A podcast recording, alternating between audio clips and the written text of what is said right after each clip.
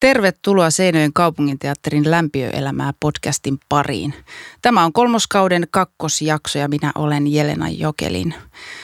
Pienen tauon jälkeen vihdoinkin jälleen täällä studiossa.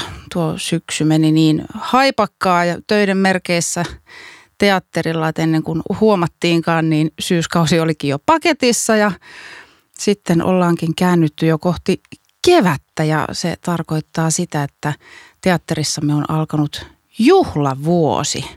Seinäjoen kaupunginteatteri täyttää kunnioitettavat 60 vuotta ja me tulemme juhlimaan sitä ihan koko vuoden teidän kanssa, hyvät kuulijat ja myös koko henkilökunnan kanssa.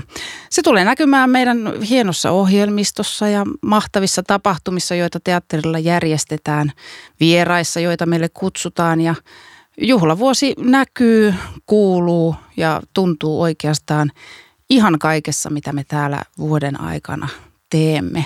Olemmehan tunteiden teatteri. Tänään puhumme elämästä ja äidistä, suhteesta vanhempiimme. Puhumme vähän Eero Huovisesta, taiteesta ja unelmista. Elämä ja taide kun ovat molemmat täynnä tunteita – iloa, surua ja myöskin sitä ikävää. On ikävä äitiä, isää, läheistä, synnyinseutua. Jokaisella meistä on omat ikävämme ja ne näyttäytyvät eri tavalla. Toivonkin, että tämä jakso saa kuulijansa pohtimaan, ketä tai mitä juuri sinulla on ikävä. Studioon olen saanut näistä aiheista kanssani keskustelemaan meidän pitkäaikaisen ja charmantin näyttelijämme Esa Ahosen. Tervetuloa studioon Esa. Kiitos paljon Jellu. Meidän syksyn toinen ensilta oli Eero Huovisen romaaniin pohjautuva draama Äiti ja ikävä ja ensi iltansa se sai 29. lokakuuta meidän Elisas, Elisa-näyttämöllä. Muistan, kun kysyin sua vieraaksi Esa tähän jaksoon puhumaan vähän äitiasioista ja ikävästä, niin saman tien meidän molempien silmät kostui. Eli mm. aiheet on kyllä aika, aika herkkiä, että mm. saa nähdä kuinka meidän käy. No. ja ookin varannut meille tänne Nessupaketin, että jos, jos se itku tulee, että anteeksi nyt jo etukäteen hyvät kuulijat ja Riku siellä äänikopin toisella puolella, jos me täällä niiskutetaan tai niistetään kesken kaiken. Itku kuuluu elämään. No se on juurikin näin. Mutta lähdetään liikkeelle siitä, että mitä sulle kuuluu Esa juuri nyt tänään? No aika työntäyteistä on, kun harjoitellaan tulevaa musikaalia. Mm. Ja siis periaatteessa hyvää kuuluu. Niin. Työntäyteinen syksy takana ja, ja, ja nyt on ollut äitiä ikävästä täysiä saaleja mm. ja, ja, ja keskittynyttä yleisöä. Se on niin kuin oikeastaan paras palkinto siinä ja kun sen aistii, kun ollaan pienellä puolella, niin tosi mm. vahvasti. Ja kun omassa roolissani siinä vielä saan heitä silmästä silmään katsoa mm, ja välillä pakotan heitä katsomaan, katsomaan niin kuin, että eipäs väistellä siellä niin. nyt, kun puhutaan tärkeistä asioista. Niin tota, oikein hyvä. Mm. Joululoma tuli ihan tarpeeseen, oli oikein, oikein kiva kaksi viikkoa olla tekemättä mitään, niin. niin kuin nyt viime vuosina on ollut. Ja noin, mutta tull, sikäli, että no nyt on iso musikaali ja siinä juhlamusikaalissa olen myös mukana ja mm. kuinka ollakaan. Mm. Ja, tota. Palaamme siihenkin vielä Niin, no joo, mä en tiedä aikana. kuinka paljon tässä vaiheessa voi vielä sanoa, että pitääkö tämä niin kuin, mennään, paljasta mennään asiaa kerralla. Niin, niin, niin kuin sipuli kuoritaan. Niin. Tota- Mutta jääkö sulla siis aikaa itsellesi ollenkaan niin kuin töiden välissä? No onhan joka päivä neljä tuntia tuossa mm. aamuja harjoituksen välillä. Ja, joo, eli No kyllä tämä aika, aika hyvin vie. Mm, vie, vie tota, mutta mullahan, mun ei tarvi lapsia kuskata hoito, mm. hoitoon eikä päiväkotiin eikä harrastuksia tämmöistä, että sikäli niin, on, on erilaista.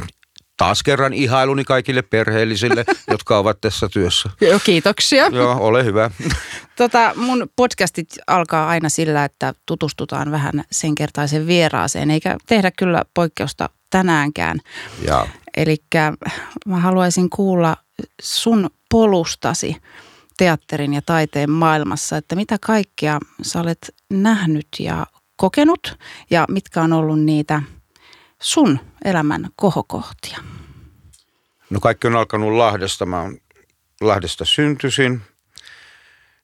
Olen syntynyt 80. 1959. Hmm. Ja tota, käynyt ylioppilaksi asti siellä. Mä menin musiikkiluokalle luokalle tai pääsin. Mm. Pääsin, tota, silloin pyrittiin ainakin. Niin, tota, aikoinaan kolmannelle luokalle. Ja tota, siitä lähti viulunsoitto – jota en oikein sitten loppujen lopuksi ymmärtänyt, mutta se oli niitä harvoja soittimia, jotka mä oikeasti tiesin. Mä olisin halunnut soittaa pianoa, mutta meillä ei kuulemma ollut varaa. Ja, ja näin. Ja tota, sitä kautta mä jouduin, tai pääsin taas jälleen kerran, niin tota, ja, ähm, Lahden oopperan, Pajatso-oopperaan kun mä olin, no mä olin silloin jo, mutta mä olin kaksi ekaa vuotta keskikoulua, silloin mm. käytiin keskikoulua, Joo. kansakoulua, keskikoulua ja lukiota, niin tota, Pajatson lapsikuoroon. Ja tota, siitä tuli, jäi, tuli semmoinen, että tämähän on ihan mieletön mm. maailma. Sitten, siinä oli vielä musiikki tietysti, joka teki sitten nuoren miehen ison, ison vaikutuksen. Mm. Mutta mut mä muistan ikuisesti, kun ekan kerran oli niin kuin meikkejä ja kaikkea. Jaa. Se vanhanaikaisen sminkin haju ja, oh. ja, ah. ja kaikki. Se oli jotain niin kuin ihan taianomasta. Oikeasti. niin. Ja sitten se, no se oli, mutta ei, koulussa mua ei silloin paljon vielä käytetty, mutta se tuli niin kuin oikeastaan lukioaikoina. Sitten mä olin koulunäytelmissä, no parissa ja tuolla lailla. Ja se lähti niin kuin oopperan kautta tämä, ja mähän sitten pyrin akatemia, tai pyrin ensin teatterikouluun mm. kolme kertaa, kun olin kirjoittanut ylioppilaaksi, ja melkein pääsen kerran sisään toisella kierro, to, toisen kerran, kun pyrin 79 vissiin. Mm. Niin tota, mutta mä olin koko ajan ollut konservatoriolla ja laulanut ja sitten tehnyt Lahden operassa, joka oli aika hyvä, hyvässä maineessa siinä, siinä, siihen aikaan. Niin tota, joitakin pieniä rooleja, siis siinä mm. parinkympin tienoilla. Ja sitten mä pyrin jopa, ja opiskelinkin pari vuotta, tai sanotaan opiskelin lainausmerkeissä Helsingin yliopistossa, mm. kun mulla oli semmoinen, että oli, piti päästä niin kuin jotenkin Lahdesta pois ja kotoa pois, että se tuntui liian ahdistavalta mm. tuolle parikymppisestä. Nuorelle miehelle. Niin, niin, niin, juuri näin. Ja tota, tota, tota, tota, mutta ei siitä sitten tullut mitään, mutta mä kävin samaan aikaan, kuten sanottu, niin laulutunnoilla ja noin. Ja mä, siinä vaiheessa mä en ajatellut, että mä, mä tota, tekisin laulamisesta tai mitään, mä en niin oikein luottanut mun tuota, kykyihin, niin mä yritin arvioida itseni objektiivisesti mm. jälkeenpäin ajatellen, no olipas, no niin. Mutta tämä johtaa nyt siihen, että sitten 82 mä pyrin Sibelius Akatemiaan ja pääsin. Mm. Ja sitten mä oon siellä tota, jonkun aikaa, en ole ikinä valmistunut, en mistään. Ja Okei. En suosittele tätä elämää kenellekään, niin, niin. paperitonta. Eli sä hyppäsit aina niin kuin koulusta toiseen, sitä No mä jo, silloinhan sai yliopistolla, siellähän sai tota, niin kuin hilloa mm. ihan loppumattomiin okay. mun käsityksen mukaan. Mutta en mä ollut kuin pari vuotta. Niin, niin. Ja sitten mä olin pari vuotta päätoimisena Lahdessa konservatoriolla ja sen jälkeen pyrin akatemiaan. No kokeillaan nyt. No sitten mä mm. pääsin sisään. Ja sitten mä olin siellä operakoulutuksessa ja sitten tuli välillä jotain kansallisoperassa Boulevardilla nykyisessä Aleksanterin teatterissa niin mm. jotain pikkurooleja ja, ja, ja noin. Ja sitten maakunnissa tuli ja sitten se, ne opiskelut vähän niin kuin jäi siinä. Ja sitten kun se oli niin kuin nuori ja lupaava, mm. mutta tuliko siitä lupauksesta sitten oopperalaoloja, se on, se on ihan toinen kysymys.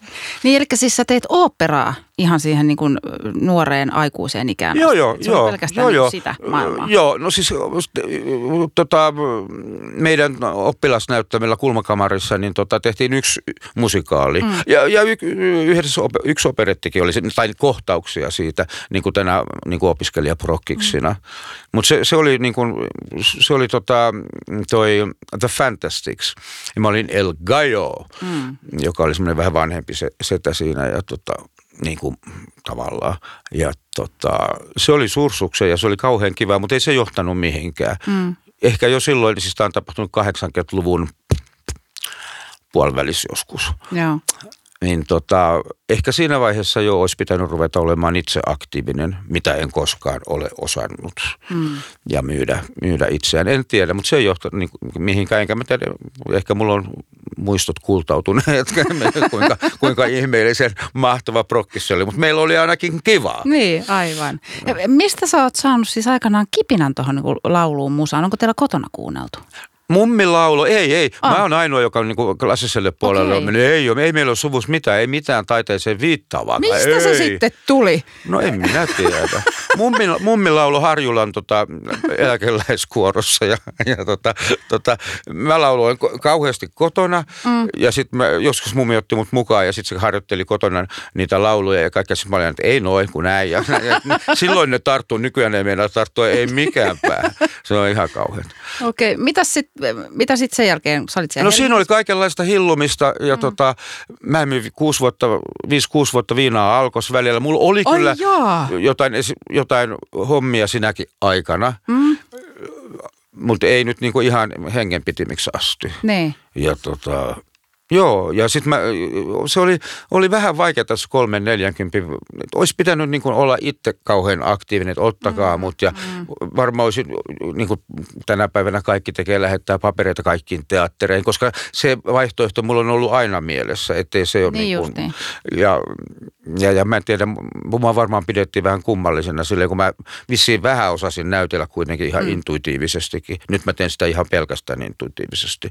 Tietysti ja tota, tota, tota, tota, ää, niin tota, tähän mun piti sanoa.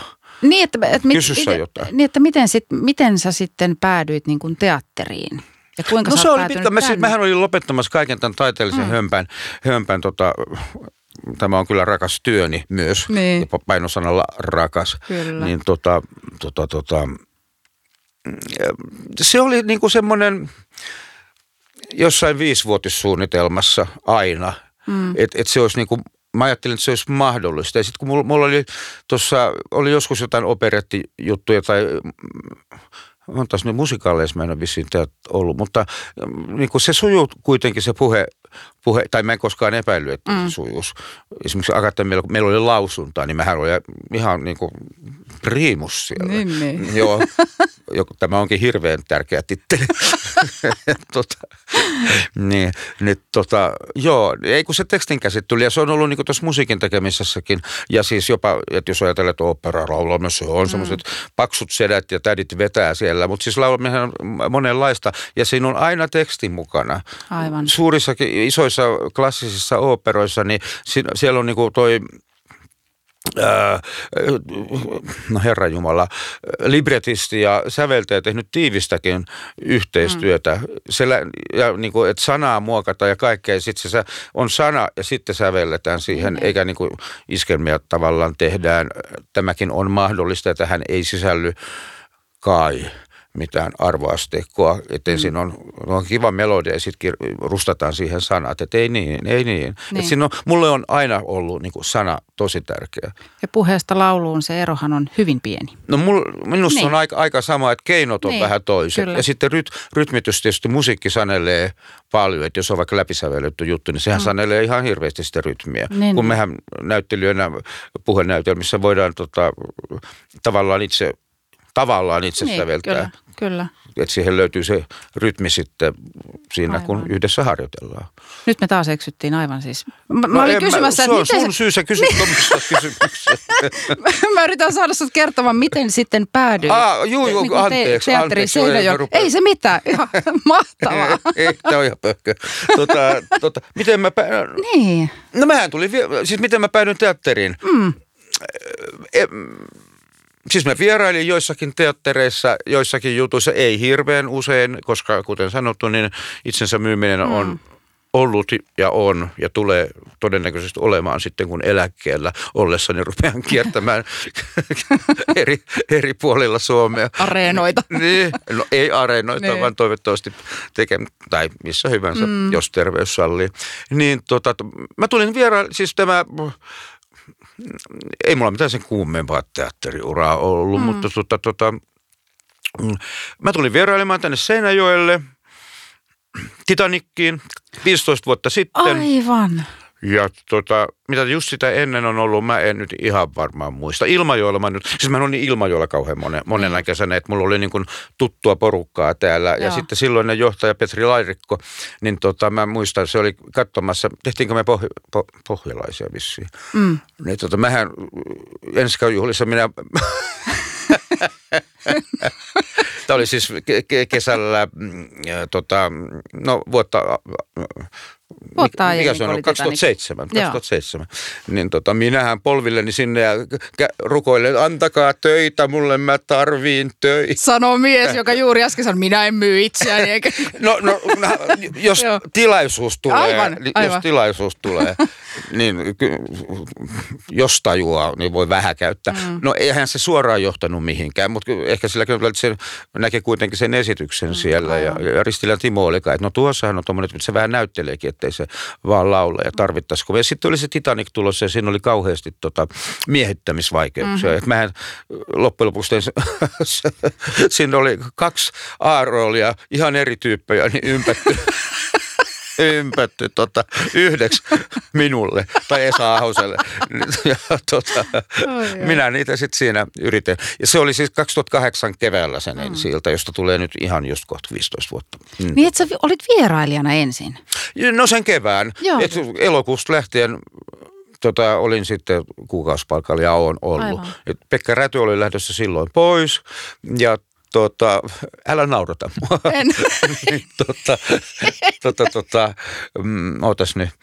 Niin, no sitten mä marssin taas, kun, kun mä huomasin, mm. että Petrin tehoaa. Niin, niin mä marssin, Petrin tehoaa mun konstit, niin tota, tota, mä marssin sitten johtajan luo, että mm. ottakaa minut. Aivan. Ja sitten mä muistan äitis kyllä, ai että nämä näyttelisit sitten kaikki Romeot ja kaikki tuommoiset. Mä että joo. Kyllä.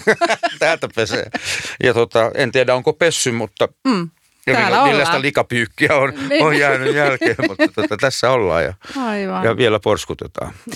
Sä, mä tiedän, että sä rakastat, sä oot kulttuurin suurkuluttaja, jos vaan niin kuin omilta töiltäsi ehdit. Me on tästäkin paljon juteltu, että kun ei oikein meinaa keritä ehtiä mitään, niin mitä kaikkea, minkälaisesta kulttuurista sä nautit tai minkälaista musaa sä kuuntelet? Tai... Siis mähän en ole kulttuurin suurkuluttaja. Osittain Ai, sen no takia, että mä oon koko ajan töissä. Niin, no se. Ja, ja, ja sitten tota, mitä täällä nyt hirveästi, täällä on kaikenlaista kulttuuria mm. Seinäjoellakin ja Etelä-Pohjanmaalla, mikä ei nyt ehkä, no niin, on just mikä on niin kuin sulle. Olisi mulle. Niin, niin aivan. Näin, kiitos. Joo. Nyt, niin, tota, tota, tota. Sitten pitäisi matkustaa tietysti katsomaan teatteria ja, tai jos haluaa mitä hyvänsä. Mm. Niin tota, ei, ei, se on, se, on, se on kovin vähäistä. Se on opiskeluaikoina Helsingissä, niin tuli käytyä, no lähinnä teatteria ja opera ja tämmöisissä mm. konserteissa. Mutta se klassinen puoli on niin kuin tuonut sen, että mä, niin kuin, mä harrastan CD-tä, klassista musiikkia. Niin. Että kotona, jos on niin kuin, no viikon, viikon yritän soittaa sit, mä asun kerrostalossa, mm. niin sen verta hiljaisella, että... Sä et vielä omista niitä semmoisia luureja. Oo, mulla Joo. on puolentoista tonnin luurit mainos, no niin. mainos. niin, tot, mutta mä en tykkää, mä en tykkää niin, niistä. aivan. Mä en tykkää niistä, että tota, tota, tota, on kuulokkeet nimeltä. Mm, äh, Joo. Joo. Mm. Mm. Niin tota, tota, tota, tota, niin se, se, se on melkein ainoa kulttuuriteko minulta. Mm. Et, ja nyt en ole vähän aikaa edes tilannut netistä noita levyjäkään. Siellä on paljon kuuntelematon takin Aivan. nimittäin kotona. Mutta se on niinku semmoinen vähän niin kuin henkireikä, mutta, tai se on väärin sanottu, mm. mutta ja nyt tietysti kaikki kuulijat, jos tätä joku joskus kuuntelee, on niin, että kyllä se live on ihan eri, onhan se, onhan, onhan se se, mutta kuten M- sanottu, mutta, eihän me täältä oikein meinata päästä Mutta mä oon pienestä pitäen niin rakastanut levyjä, ensin mm. älppäreitä, kaikki ylimääräinen raha ja vähän enemmänkin meni niihin, että niitä oli metritolkulla. Ja nyt on sama niitä CD-kasoja, onko ei hyllyjä ole, eikä semmoisia hyllyjä löydy, joista mä tykkäisin ka- kaupasta. Niin tota, siis... niitä, niitä kasoja on sitten pitkin nurkkia siellä ihanaa, että, ihanaa, että sä kuuntelet vielä CD-tä, kun nykyään kaikki on tuolla mä, oon niin, niin joo. mä oon niin monessa muussakin asiassa aika vanhan aika, niin älä, älä, onko tämä joku paljastus? paljastus Kuunteleeko sä, ei, niin et kuuntele kirjoja, vaan luetko kirjoja? En. en. Et, niitä sä et sitten lue. Mä muistan, sä oot jossain vaiheessa tykännyt matkustella niin kuin kesäaikaan. Onks... Joo, mutta sekin on niin kuin, nyt jotenkin jäänyt. Mm. Ei oikein ollut ketään kenen kanssa niin kuin mennä. Se on, äh, mä oon aina miettinyt, että pitäisikö yksin mennä mm. ja kaikkea, mutta sitten jotenkin siinä, äh, mä näen, että siinä semmoinen jaettu kokemus on, antaa paljon mm. enemmän, mutta to, toki vielä kun on suurin piirtein piirteen liikuntakyky tässä, niin tota, tota, pitäisi mennä vaan itsekseen. Mutta nythän on ollut, ka- ensin tuli nämä tota, World Trade Center iskujen jälkeen nämä maailman hankalimmat turvatarkastukset ja nyt on ollut pari vuotta tätä koronaa ja kaikkea, että se on niin kuin – varmaan Maailma hillinnyt, pikkuhiljaa vaan. Joo, joo, mutta varmasti hillinnyt, hillinnyt monen ihmisen menoa ja, ja, ja onkin tietysti, niin. kun on ollut pakko ja kaikkea tuommoista. Mutta jääkö sitten sitten jotain pysyvää? Se on, mm. jää nähtäväksi. Kyllä. Hei, nyt mennään hetkeksi. Rönsiilee taas. niin, mennään hetkeksi emerituspiispa Eero Huoviseen. Joo. Ja hänen kirjoittamansa romaaniin Äiti ja ikävä, josta meille on syntynyt hieno näyttämöteos teatterijohtaja Pauliina Saloniuksen dramatisoimana ja ohjaamana. Ja sinä näyttelet siinä siis itse Eero Huovista. No, itse Eero Huovista. Itse kyllä. Eero Huovista. Lyhykäisyydessään siitä romaanista, jos, jos se on oudompi jollekin, eli nimensä mukaisesti se kertoo Eeron Eero Huovisen ikävästä äitiään kohtaan, jonka hän on menettänyt ollessaan yhdeksän vuotias. Joo. Ja se kertoo ikävästä, joka ei koskaan ole hellittänyt, mutta jonka kanssa Eero on oppinut elämään, ainakin se, miten mä no, olen niin kuin sitä on. tulkinut. Näin, kyllä. Ja romaani on myös eräänlainen kunnianosoitus Eeron äidille Aili Huoviselle. Kun sä kuulit tästä näytelmästä, sen, sen aiheesta ensimmäistä kertaa, niin mitä ajatuksia se herätti? No se, muistaakseni se tapahtui jotenkin, että mä olin Pauliinan kanssa keskustelemassa noista tulevista töistä. Mm. Ja sitten hän sanoi, että tämmöinen on tulossa ja että hän on ajatellut mua siihen. No mä olin mm. tietysti otettu ja noin, ja sit, siitä paikasta hankkimaan kirja ja lukemaan se ja, ja tota, ei siinä vai, se niin kuin, mä totta kai tajusin, että ollaan niin kuin elämän suurten Mm-mm. kysymysten, tai oikeastaan koko elämän äärellä niin. siinä, ja vaka, niin kuin, vak, vakavien aiheiden, no niin, Herkkä iso Herkkä, aihe. Ja niin. herkkien ja sitten niinku oikeiden asioiden, oikean, tai mikä nyt on oikein, mutta sillä lailla niinku, niin, oikeiden elämän, ja no siitä tuli herkkä. Niin, kyllä. Ja se onhan se, toki, toki se on. Kyllä.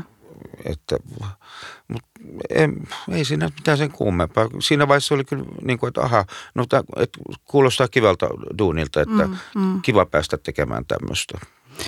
Sitten teidän yhteinen matka alkoi.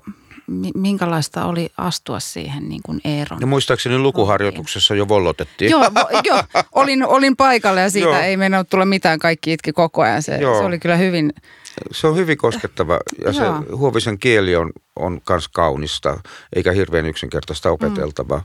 Tota, mutta sun pitää johdatella mua. Tämä on jotenkin... Joo, tämä huomaan. Joo. Nyt rupeaa olemaan vähän vaikeuksia. Ei kun mä muistan vaan siis sen, kun me oltiin lukuharjoituksissa ja mäkin, kun mä pillahdin sitten melkein saman tien itkuun. Ja sit, kun mä mietin koko ajan, että, että miksi mä oikeastaan itken, kun mä en edes osannut sanottaa sitä, koska tarina, siinähän oli tosi, siinä on hauskoja hetkiä, siinä on, on, niin kuin, on. Siinä on tarinan kerrontaa, mutta joku siinä aiheessa – sai alun alkaen niin, kuin niin herkille, joo, että joo.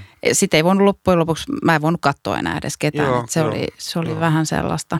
Ei no mulla mm. siellä ekassa luku, lukuharjoituksessa niin tuli ihan jotenkin puskista se, se tota, re, oma reaktio niin. siihen, kun, kun kavereiden kanssa luettiin se siinä. Kyllä. Ja to, no, no olihan siellä kaikki kaikki, kaikki, kaikki mukana, ketkä mm. ovat mukana tätä tekemässä. Että, tota, niin, Mut, no mennään vähän sitä kautta, että se Eero Huovisen elämässä se uskonto, Joo. sehän on aina ollut hyvin niin kuin oleellinen osa ja kantava mm. voima.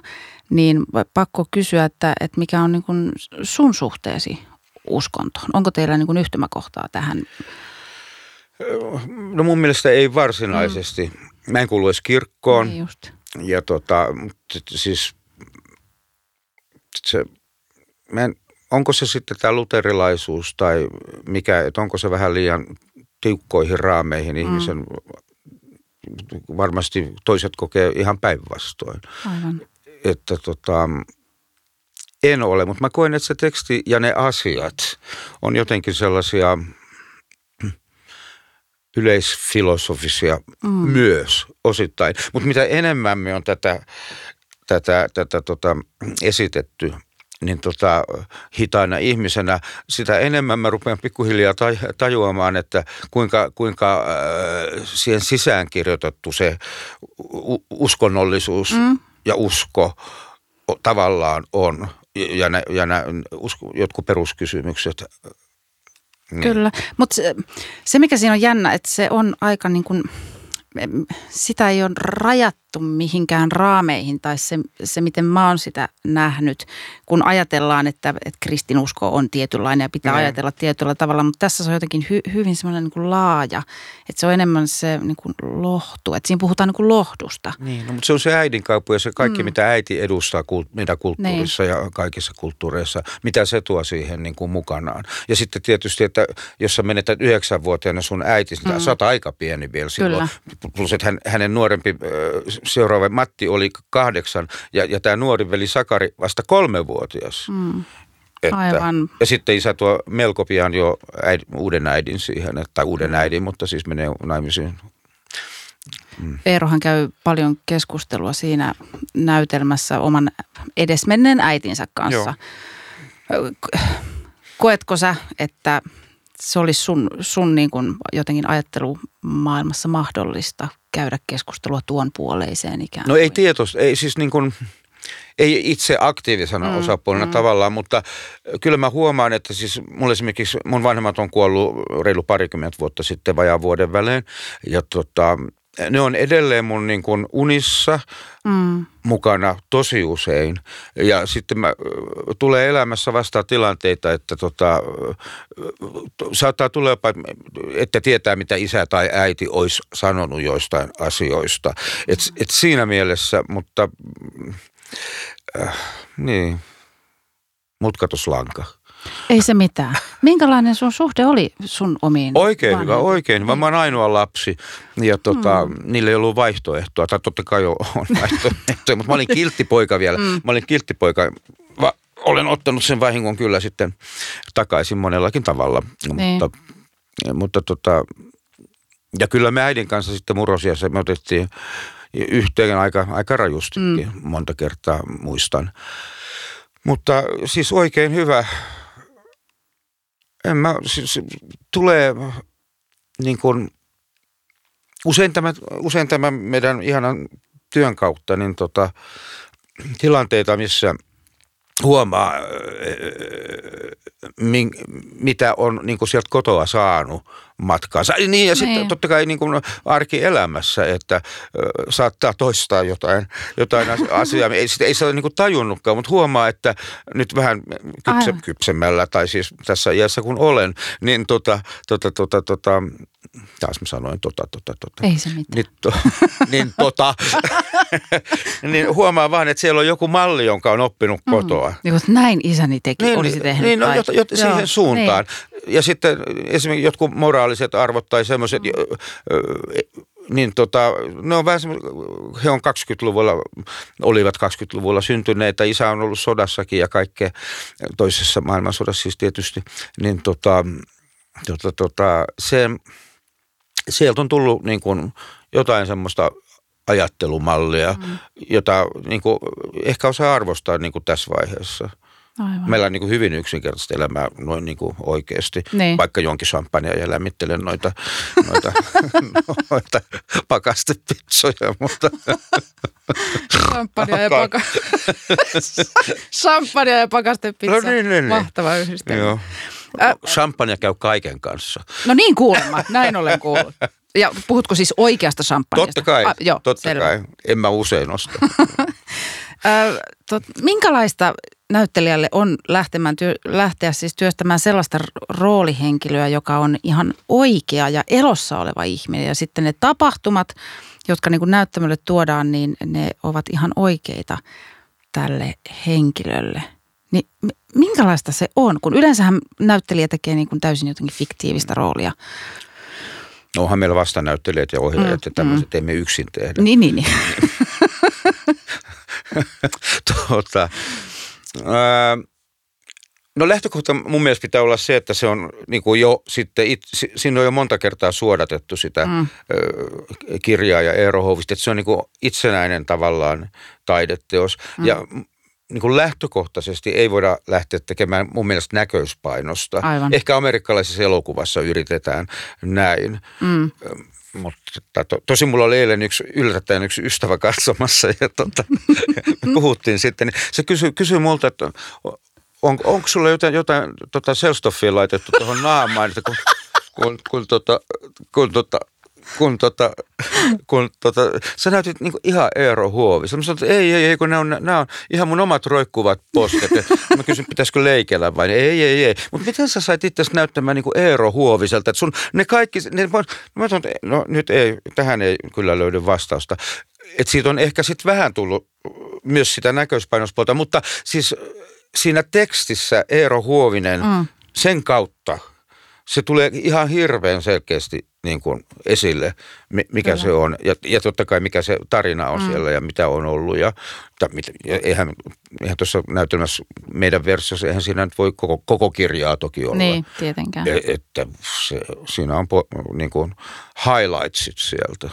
Tämähän on hämmentävä, tämä puhuit yhdennäköisyydestä. Muistan silloin, kun tapasitte Eero Huovisen ja Joo. te olitte ensimmäistä kertaa vierekkäin, kun Eero totesi itsekin, että ihan niin kuin veljensä no katsoisi. Kyllä, se oli Eli se oli hämmentävä se, Joo. kuinka vaikka tosiaan sinulle ei ole tehty yhtään mitään, ei niin kuin mitään. muutoksia. Mä oon ihan ilman meikkejäkin lavalla. Niin, niin sitten jotenkin se maailma näkyy sun kasvoissa. Et se on ehkä niin kuin jotenkin sit sitä kautta no tulee No hyvä, se. jos niin on, Joo. se on niin kuin näyttelijän työtä. Mutta mä justin tuossa katoin, niin, niin tarkoituksena oli, että Eerolle on aika tota, mm, mm huomattava, tai se pään asento ja mm. ryhti, mm, kyllä. mikä se on, yleistermi on kadoksissa taas, niin tota, huomat, niin kuin semmoinen se, selkeä piirre siinä. Ja mä olin niin kuin aluksi, että no, että se ei ole tärkeää, että, mm. että, että tota, tehdään se, että se tulee sieltä tekstin kautta ja tämä Kyllä. kaiken mitä meidän näytelmässä on. Mutta sitten kun mä näin, tel, ja telkkarissa mä oon to, toki nähnyt sitä, mm. mutta se on eri. Mutta kun, kun me tavattiin sitten ihan henkilökohtaisesti, ne. se on niin oleellinen osa sitä ihmistä. Mä, mun ihan pakko mun on ruveta tekemään vähän tätä pään asentoa ja selän asentoa ja semmoista. Mm. Ja mä oon yrittänyt tehdä sitä silleen niin kuin vähän ei, ei niin kuin silleen, että koko ajan pysytään, niin, niin. pysytään siinä asennossa, mutta niin kuin, että se antaa vähän niin kuin osvittaa sinne. Mutta siitä on tullut, joten, se on huomattu. Mm. Niin kuin. Ja kun se, se ei näytä siltä, että sä yrität imitoida tässäkään ikään kuin, että tää, näin tältä Eero näyttää, tai että se lähtee enemmän en mä yritä, niin kuin, että mä jos minä olisin vähän vanhempi. Joo, ja sit sitä on niin kuin, minulle siinä on, että se on vähän niin kuin asenne niihin, niihin kysymyksiin, että mm. on se sitten, että hän lukee kirjeitä, niin kuin tässä, tai, tai on varmaan oikeassa elämässä kirjoja, mm. tai miten hän se, kun, mä on, kun se on ke, niin kuin myös kertoja, ja sitten osallistuu näihin tapahtumiin, tämä Eero Huovinen tässä näytelmässä, niin tota, tota, tota, että miten se seuraa Kyllä. mitä siellä tapahtuu, kun siinä pitää sitten eläytyä näiden omien vanhempien elämään ja niin. isoäidin ja sun muihin, että et, niin kuin sitä kautta. Mutta ei pakonomaisesti Aivan. Silleen. Aivan. Mä olin ihan varma, että niinku niskat ja kaikki muut jämähtää ja, ja noin, mutta ei ole semmoista niin. ollut. Ei se, ei se montaa venytystä tarvi vastakkaiseen suuntaan niin kuin se niinku siitä. Te tosiaan, tai me itse asiassa olemme saaneet tavata Eero Huovisen Kerro vähän, minkälainen se tapaaminen sun mielestä oli? Erittäin miellyttävä. Ei siinä nyt oikeastaan ollut mitään, mitään niin kuin kovin merkillistä. Mm. Minusta hän on aika tavallisen oloinen, to, tosi fiksu mies. Niin. Että Muistatko yhtään, mitä, mitä juttelitte? Oliko teillä mitään kahdenkeskistä hetkeä No ei, ei, no ei oikeastaan, niin. että ei, ei, ei sillä lailla, ei. Se sujuu niin kuin tosi, hän oli toki otettu sitten, kun hän seurasi ensinnäkin sitä harjoitusta, mm. joka oli järjestetty silloin esittely, esittelytilaisuuden jälkeen. Mm. Ja tota, sitten ensi jälkeen juteltiin vähän mutta ei, ei siinä mitään, ei mitään sen isompaa syväluotausta. Tyytyväiseltä ne vaikuttu, mutta en tiedä, oliko pelkkää kohteliaisuutta. En, en, en mä oikein usko. usko. En, en usko. usko. En mä usko. Et se Eerohan on ollut todella jo vaikuttunut joo, tästä kaikesta. Ja hänen, ja hänen sukulaisensakin, jotka Joo, on joo niin on. Siellä oli tota, veljenpoikia oli, mm. oli ja, ja sitten ketä nyt oli ensin. Ja, ja, ja tietysti rouva. Niin, Anja aivan. Tuulikki. Mm. Niin hän kutsuu joo, rouvaksi. vaimoaan rouvaksi. Joo, se, on, joo. se on ihana. Tota, ei, se sui, siis tosi miellyttävissä mm-hmm. merkeissä ja äh, sitten eri aikaan erkannuimme ensikarijuhlissa, että tota, se, sekin sitten vähän jäi, jäi, mutta ja varmaan tulee vielä kevään aikana mahdollisuus, jos Eero on nyt No Eero tulee katsomaan. mun mielestä helmikuussa joskus katsomaan. Niin, että, Kyllä. Että, Kohtaamisia tulee. Vielä. No niin, no katsotaan se. Mun käsittääkseni he on tulossa päivänäytöksiä ja illalla on toinen, että se on nyt sitten, mm. se on vähän tämmöistä. Aivan. Näytelmän nimeä mukaillen, onko sinulla Esa äitiä ikävä? No, ei nyt silleen tietoisesti. Se on niin kuin luonnollista, että vanhemmat kuolee ennen. Mm. Ja tota, mun isä kuoli, kuten sanottu, niin vajaa vuosi ennen kuin äiti sitten, ja, joka oli sairastanut aika pitkään siinä. Ja tota, siinä on se, että jotenkin, mä olin silloin neliskymmenissä, mm. niin kummankin kanssa vähän tuntuu, että jää asiat kesken. Et mä oon sen verran mitenhän sitä nyt sanoisi, mutta äiti ja isä on äiti ja isä, että ei, sitä ei niinku, niitä, ne oli vielä äiti ja mm. isä mulle vielä silloinkin, että ei me oltu niinku se, eikä, en mä tiedä voisi niistä, no kyllä kaverit voi olla, mutta siinä oltiin Tavallaan vasta, se säilyy se. Niin, niin. niin, niin mutta jotenkin oltiin niinku vähän enemmän vasta tutustumassa ihmisinä, mm. tiedätkö ja, ja, ja noin kaikkien kasvukipujen jälkeen. Aivan. Ja mitä siinä sitten kaikkea on ollutkaan meillä, mutta en mä voi sanoa, se, se kannattaa hyväksyä vaan, että ne lähtee, jos näin. Se on mm. pahempi, se on toisinpäin, jos lapsi kuolee, mä veikkaan. Niin, ja onkin tietysti. Niin, niin. Että. Mietin vaan, kun näytelmän aihe on ollut tollainen, että onko se kuinka paljon niin kuin sun sisältä kaivannut sit sitä niin kuin Joo, sanotaan, että se on niin kuin, tavallaan tuttua ja niitä niin kuin vertaa niitä kokemuksia, mutta mm. en mä niin kuin esimerkiksi mieti, että ahaa, nyt mä oon ollut mun äidin kuol- tai sairausvuoteen äärellä, mm. että miten se on mennyt.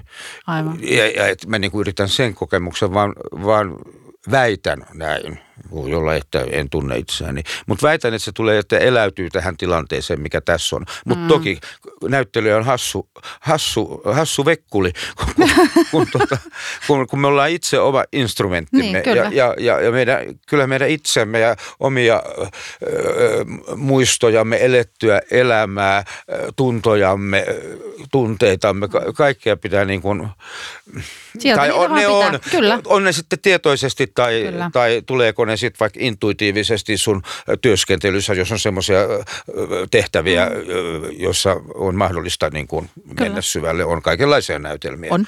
Ei, et ei, Mutta ei meidän, meidän tunteitahan ne on Joo, joka kyllä, tapauksessa. Kyllä, joka, niin. ja, ja niin. ihmisiähän siellä kuvataan. Kyllä. Ja siinä helpottaa, että jos kun ikää tulee, niin se on niin kuin tota jotenkin, sitä vaan tulee, sitä mm elämän kokemus. että niin, ei, kyllä. sitä ei voi niinku välttää. Joo, ja mä luulen, että, että esityksestä palautuminen myös helpottuu, mitä enemmän sitä no, ikää kyllä. tulee. Joo, ei siihen jää niin. niinku lillumaan. Mä muistan silloin nuorena, kun kyllä. se oli jotenkin ihan kamalaa, kun eihän siitä päässyt niinku ollenkaan. Ei, ei, ja siitä nautti. E, joo, se. se. Nyt nauttii kyllä siinä näyttämästä, näyttämällä olosta, mutta kyllä sitten koti odottaa hyvin pian, tai niin kuin saman tien. Kyllä, kyllä. Et, et, ja tota, että siitä nauttii, että pääsee et, myöskin sit irti siitä. Joo, joo, kyllä, kyllä. Joo, ja se joo. On, on kyllä. O, joo. Hmm. Vielä yksi kysymys nyt niin kuin äitiin liittyen. Mennään sitten ihan eri aiheeseen. Ää, jos sulla olisi mahdollisuus nyt vaikka nähdä äiti. Niin. Mitä Mitä sä haluaisit sanoa hänelle? No mä arvasin, sä sanot noin. Mm. Var...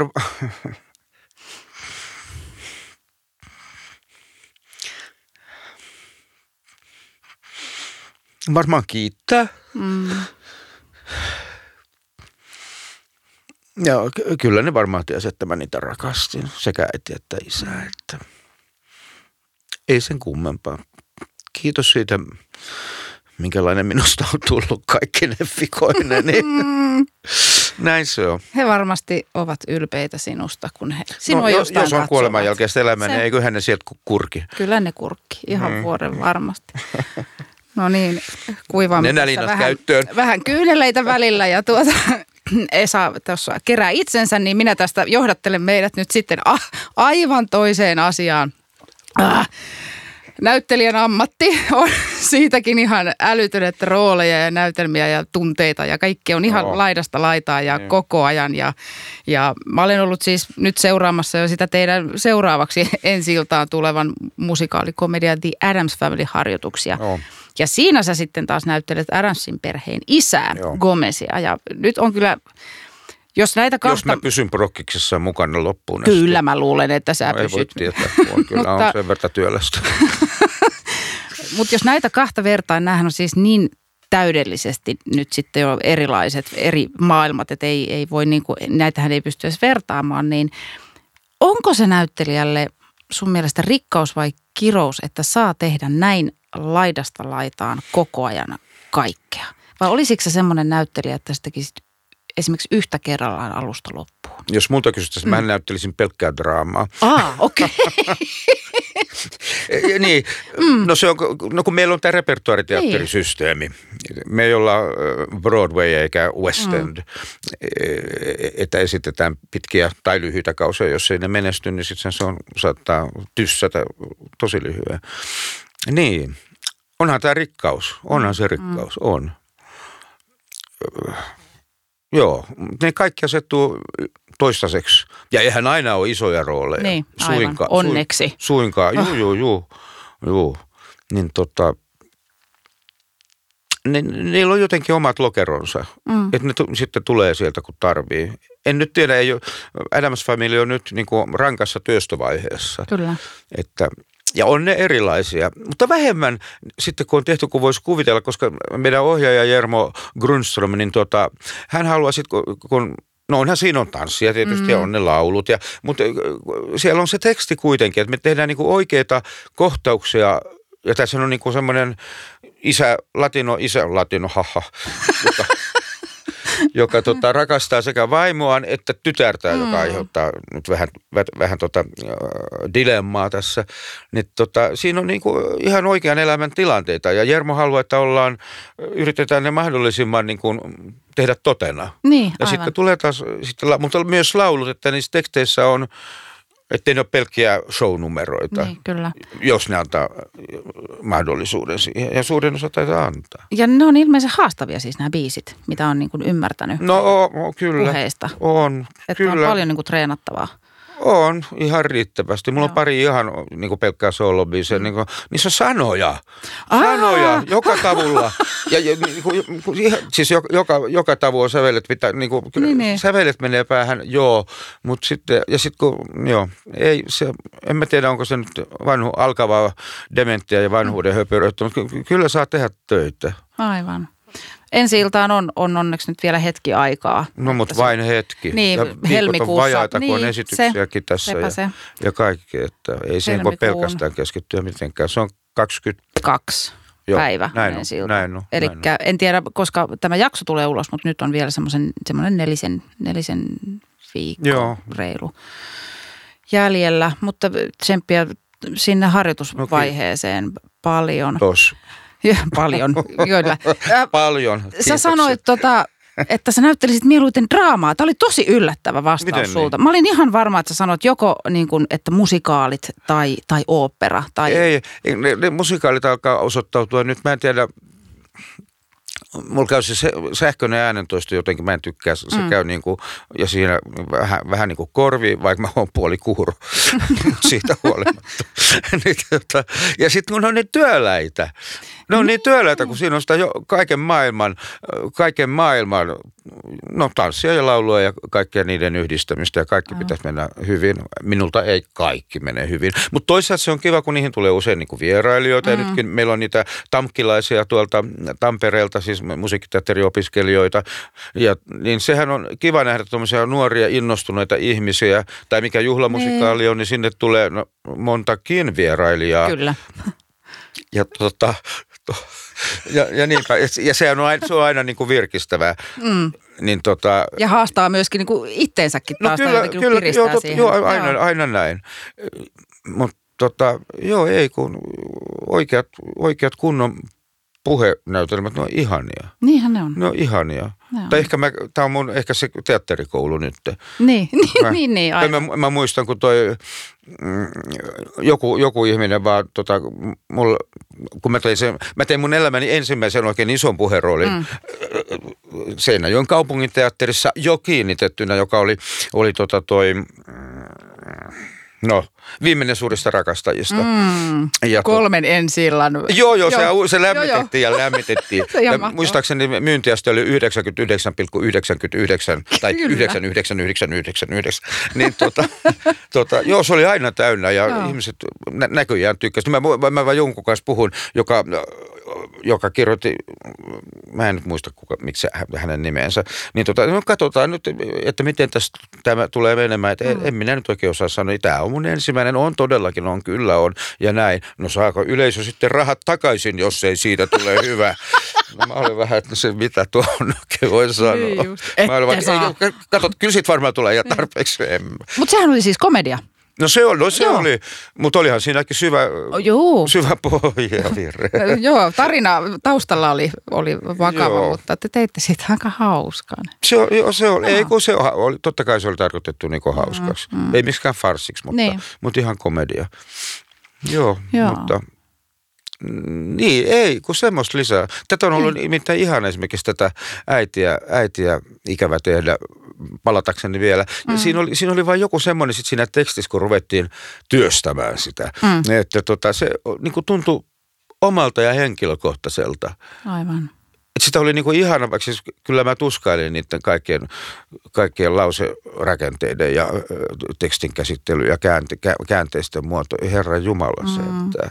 Ja sä oot aina ollut tosi tarkka tekstin kanssa no, itse. Oon, mä oon, niin kyllä, se voi johtua muusikkotaustasta kanssa niin. sillä lailla, kun siinä joutuu niinku tarkkaan esimerkiksi viulistiin, niin mm. niin tota, harjoittelemaan ne kaikki ja, ja noin, että, siinä, että asiat loksattaa kohdalla. Ja laulamisessa myös. Niin. Ja sä, sä oot yksi niistä näyttelijöistä, jotka muistan, että on sellaisia, että se teksti jää niin kuin saman tien, siis tämä konkreettinen plari, se jää pois kädestä niin kuin tosi nopeasti, että sä tykkäät yrittää sitä tekstiä niin kuin No, mä, no, no jotkut on nyt sanonut, että joo, Esa oppii tosi nopeasti. Mä en itse koe niin. Mm. Musta, mun mielestä mä niinku tankkaan ja tankkaan ja tankkaan. Mut, Mut niin, mutta sä rohkeasti kuitenkin jätät sen tekstin no pois, kyllä, vaikka joo, se on joo, se... Mutta niin meillähän on sitten kuiskaa. Kyllä, ja, kyllä.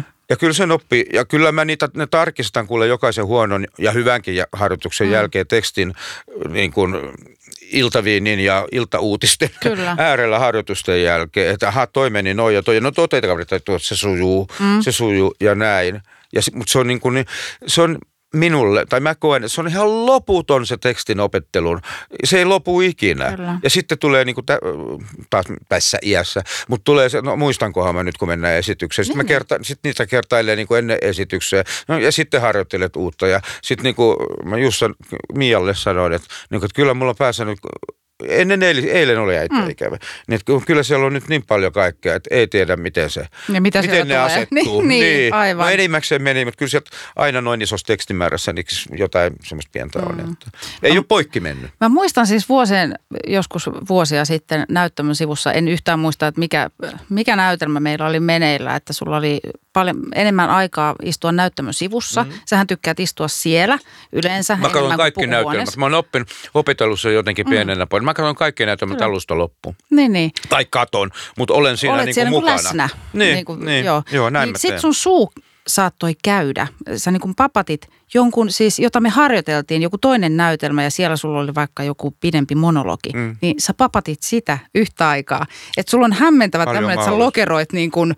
No mutta silloin täytynyt olla kyllä sitten aika pitkä odotus ennen Joo, kuin mä menen. luultavasti, niin kuin, että en kyllä. Mä, en mä missään lyhyissä väleissä. Joo, kyllä, ja sit kyllä oli- pyrin olemaan siinä. ja kyllä Paitsi näyttelijänä jostain läsnä, siis, niin myös siinä samassa näytelmässä, missä muut on. aivan. niin. Muistan Mut siis se- sun pyrkimys. Se saattoi olla joku Amadeus, No se oli tulossa, olla, joo, että teksti oli niin, niin valtavasti, että... Se oli kans mukavaa, voi että. Niin, se oli ihana, ihana juttu. Mutta hirveä va- Se on noissa isoissa, tai sitten joku lainahöyhen, niin se mm. kaikki Osku haavistu, ei kun Heiskanen. Heiskanen tota, jossain vaiheessa, kun se oli ohi, että no onko helpotus vai, vai mm. niin kuin, tuleeko ikävä. Mä sanoin, että kyllä se on helpotus. Aivan. Kyllä se, niin kuin, iso, niissä on niin kuin puolensa ja puolensa. Ja sitten usein ne, niin kuin, nehän näyttelee itsensä, että jos se on hyvä teksti. Siellä ei tarvitse, mu- siinä, niissä oikeasti, muuta kuin jo, oikeat tunteet ja teksti, niin tota, no ei se, ei se ihan näin yksinkertaista niin, toki niin. ole. No mutta Mut- mut- parhaimmillaan voisi olla. on, on, siis ei, kun, näin. ei kun sieltä saa niin paljon jo Niin, valmiiksi, kyllä. tiedätkö? Kyllä. Ja siis en mä tiedä, onko kaikkien näyttelijöiden pyrkimys yksinkertaisuuteen ja aitouteen, mutta minulla on. Aivan. Vaikka sitä aina töistä uskoisi. Piti sanoa tuokin tuolla. No piti vähän keventää. Ainakin yrittää keventää. Tota, siis meidän aika, mä tiedän, että se on varmaan jo ylittynyt. Nämä pitäisi pitää jossain niin kuin kuosissa nyt nämä jaksot. Mutta mun on pakko kysyä tähän loppuun vielä yksi kysymys. No, odotamme jännittyneenä. O- Onko sulla minkälaisia unelmia vielä ammatillisesti, että, että mitä haluaisit tehdä, saavuttaa? Tai onko Mä rooleja? tykkään, no rooleja ei ole, ei mm. ole oikeastaan. Olisi kiva, että ne olisi hyviä rooleja, mm. jos olisi jotain mihin niin kuin tarttua. Tota, mä tykkään vieläkin näyttelemisestä, mutta se saattaa olla, että kun mä oon vasta niin kuin oikeasti, mä en, mulla ei ole niin kuin, voisi olla 40, Mm. 45, no 40 vuotta takana vaikka Laatosteatterissa, niin toki ikäkin tekee taas tässäkin asiassa, että ei sitä aina jaksa niin kuin ihan hirveän innostunut. Mm. Siis innostunut kyllä ja niin kuin tavoitteellinen se työnteko ja niin kuin pyrkimys, pyrkimys siinä näyttelemisessä, niin mm. just yksinkertaisuuteen, aitouteen, totuuteen, johonkin, mm. johonkin tämmöiseen hienoon. Että se on, ja sitten tietysti, että pysyy terveenä, että niin voisi tehdä tätä, ja mä oon kaikille sanonut, että me emme ole mihinkään eläkkeelle menossa tässä. No eikä, mm. et jos mä jaksan eikä mitään ihmeellistä tapahdu, eikä muisti rupea prakaamaan Niin. esimerkiksi, niin tota, joo, ja jos, jos ei tu muista syystä potkuja, ei sitä voi tietää. Niin, Mokaat oikein huolella No, jossain. jotain- tai- jotain niin, niin, niin. Mutta en mä usko, että sä mokaat. No ei, sä ei tähänkään asti ei, mokannut. no ei sitä ei, voi, ei voi tietää, koska epävarmaahan ei voi koskaan tietää, kun lavalle menee. Että No, niin, miten, niin. niin. kuin, ta, niin kuin Niin, tavallaan, vaikka niin, se on niin. kuinka harjoiteltu. Ja sitten, että jos tietysti olisi ehkä semmoisia yksittäisiä vier, jos niin kuin, ja vai- vaikka jos, jos pysyisi niin kuin vielä laulukunnossakin ja mm. sille siis enhän mä inhoa laulamista eikä mitään Niin, semmoista. Tää taas rönsyilee. Anna mennä vaan. Niin tota, va, vaikka johonkin niinku vierailemaan sitten, että jos niinku kunto pysyy, niin jos tarvitaan vanhoja laulavia, mutta siis mm. rooliin ei mihinkään. Mm. Ja, ja, ja noin, että se, olisi, mutta se on nyt vähän silleen, että aika näyttää, aika Aivan. näyttää. Mutta ei sen kummempia haaveita, onhan niitä tässäkin. Kiinnostaisiko sinua esimerkiksi oma lauluilta tai tämmöinen? Ei, ei, et sä et ei, semmoinen. ei, mä en pidä Niin. niin. itseäni niin mielenkiintoisena, että mä pystyisin, tai varmasti pystyisin, mm. jos haluaisin, mutta en mä halua. Ja niin kuin, se on, tai mä oon niin silleen itse, ei. Niin, että sä oot enemmän tämmöinen ti- kun, ei, kun, tiimitekijä. ei, kun mun sä et mielestä se niinku- koko homman suola, se Aivan. y, niin kuin yhteistyö siinä. Mä saan ihan tarpeeksi omassa elämässäni olla yksi. Mutta ei pahassa Niin, mielessä, niin, ei niin. pahassa mielessä, koska sekin on taas, taas hyvä asia niin kuin tämän tiimityön. Koska tä- täällä tehdään paitsi näyt, siis vastanäyttelystä on ohjaajat, on koreografit, on ke- ketä milloinkin, mutta myös kaikkien muiden osastojen kanssa. Kyllä. Ja, ja, ja, ja, ja Niin, me näyttelijäthän joudutaan oikeasti miellyttämään kaikkia. Aivan. Mille sanotaan, mitä pannaan päälle, miten kyllä. sä sanot repliikin. Kyllä, ja mitä sun... sä sanot ylipäätään. Kyllä, kyllä, joo, joo että kaikki. Joo, et... hymyilet vai et niin, hymyile, niin, sekin niin, sanellaan. Niin, se on niin kuin, niin kuin toisaalta. Niin, kyllä. Toisaalta. Kyllä. Mulle se riittää. ja se, no, ja täällä mä oon monasti miettinyt tota niin kuin yksin olon merkitystä tai sitä, että kuinka tärkeää. No se, minkälaista kun... se yksinolo sitten on, että jos siitä kärsii, mm. se on kiva tietysti. Niin, mutta... aivan, aivan. Mutta sitten taas niin kuin, että se on vastapaino myöskin tälle. Täällä no me ollaan näin. niin ylisosiaalisia. Just näin. Kaiken päivää. Että mäkin esimerkiksi, mä nautin välillä just siitä, näin. että sit saa olla niin kuin no ihan, ihan varmasti, Ihan kanssa. varmasti, mutta sulla on sitten lapsia vielä. Onhan nyt niin, toki, niin. no joo, mieskin nyt ja on niin, niin, niin, että, niin, joo. niin, onnea vaan. No niin, ei, ei mennä siihen sen No niin, Jelena Jokeli. Tuota. Roolit käänty. Ei kun mä lopetan tämän jakson nyt tähän. Ai jaa, just kun mä pääsin alkuun. Kiitos Esa. Kiitos Jelena, että otit, mutta et varmaan ota toista kertaa. älä, älä sano. Tämä, tämä oli hieno juttu tuokin, vaikka nyt rönsyilikin ihan niin kuin laidasta en laitaan. Mä, en, mä, mä en tajua, että mä oon tämmöinen, anteeksi. Ei se mitään, nyt no. se, sekin selvisi. Joo, mä mökötän kotona hiljaa sitten taas. mä toivon paljon iloa elämään, jaksamista näyttämölle ja eri maailmojen kannattelemiseen ja tunteiden tulkkina olemiseen. Onnea sulle kanssa kaikkeen valitsemallasi kiitos, uralla. Kiitos. Ja kiitos myöskin kuulijoille, kun, jos ja kun kuuntelitte jakson loppuun ja kunnes jälleen ensi kertaan paljon rakkautta. Paljon.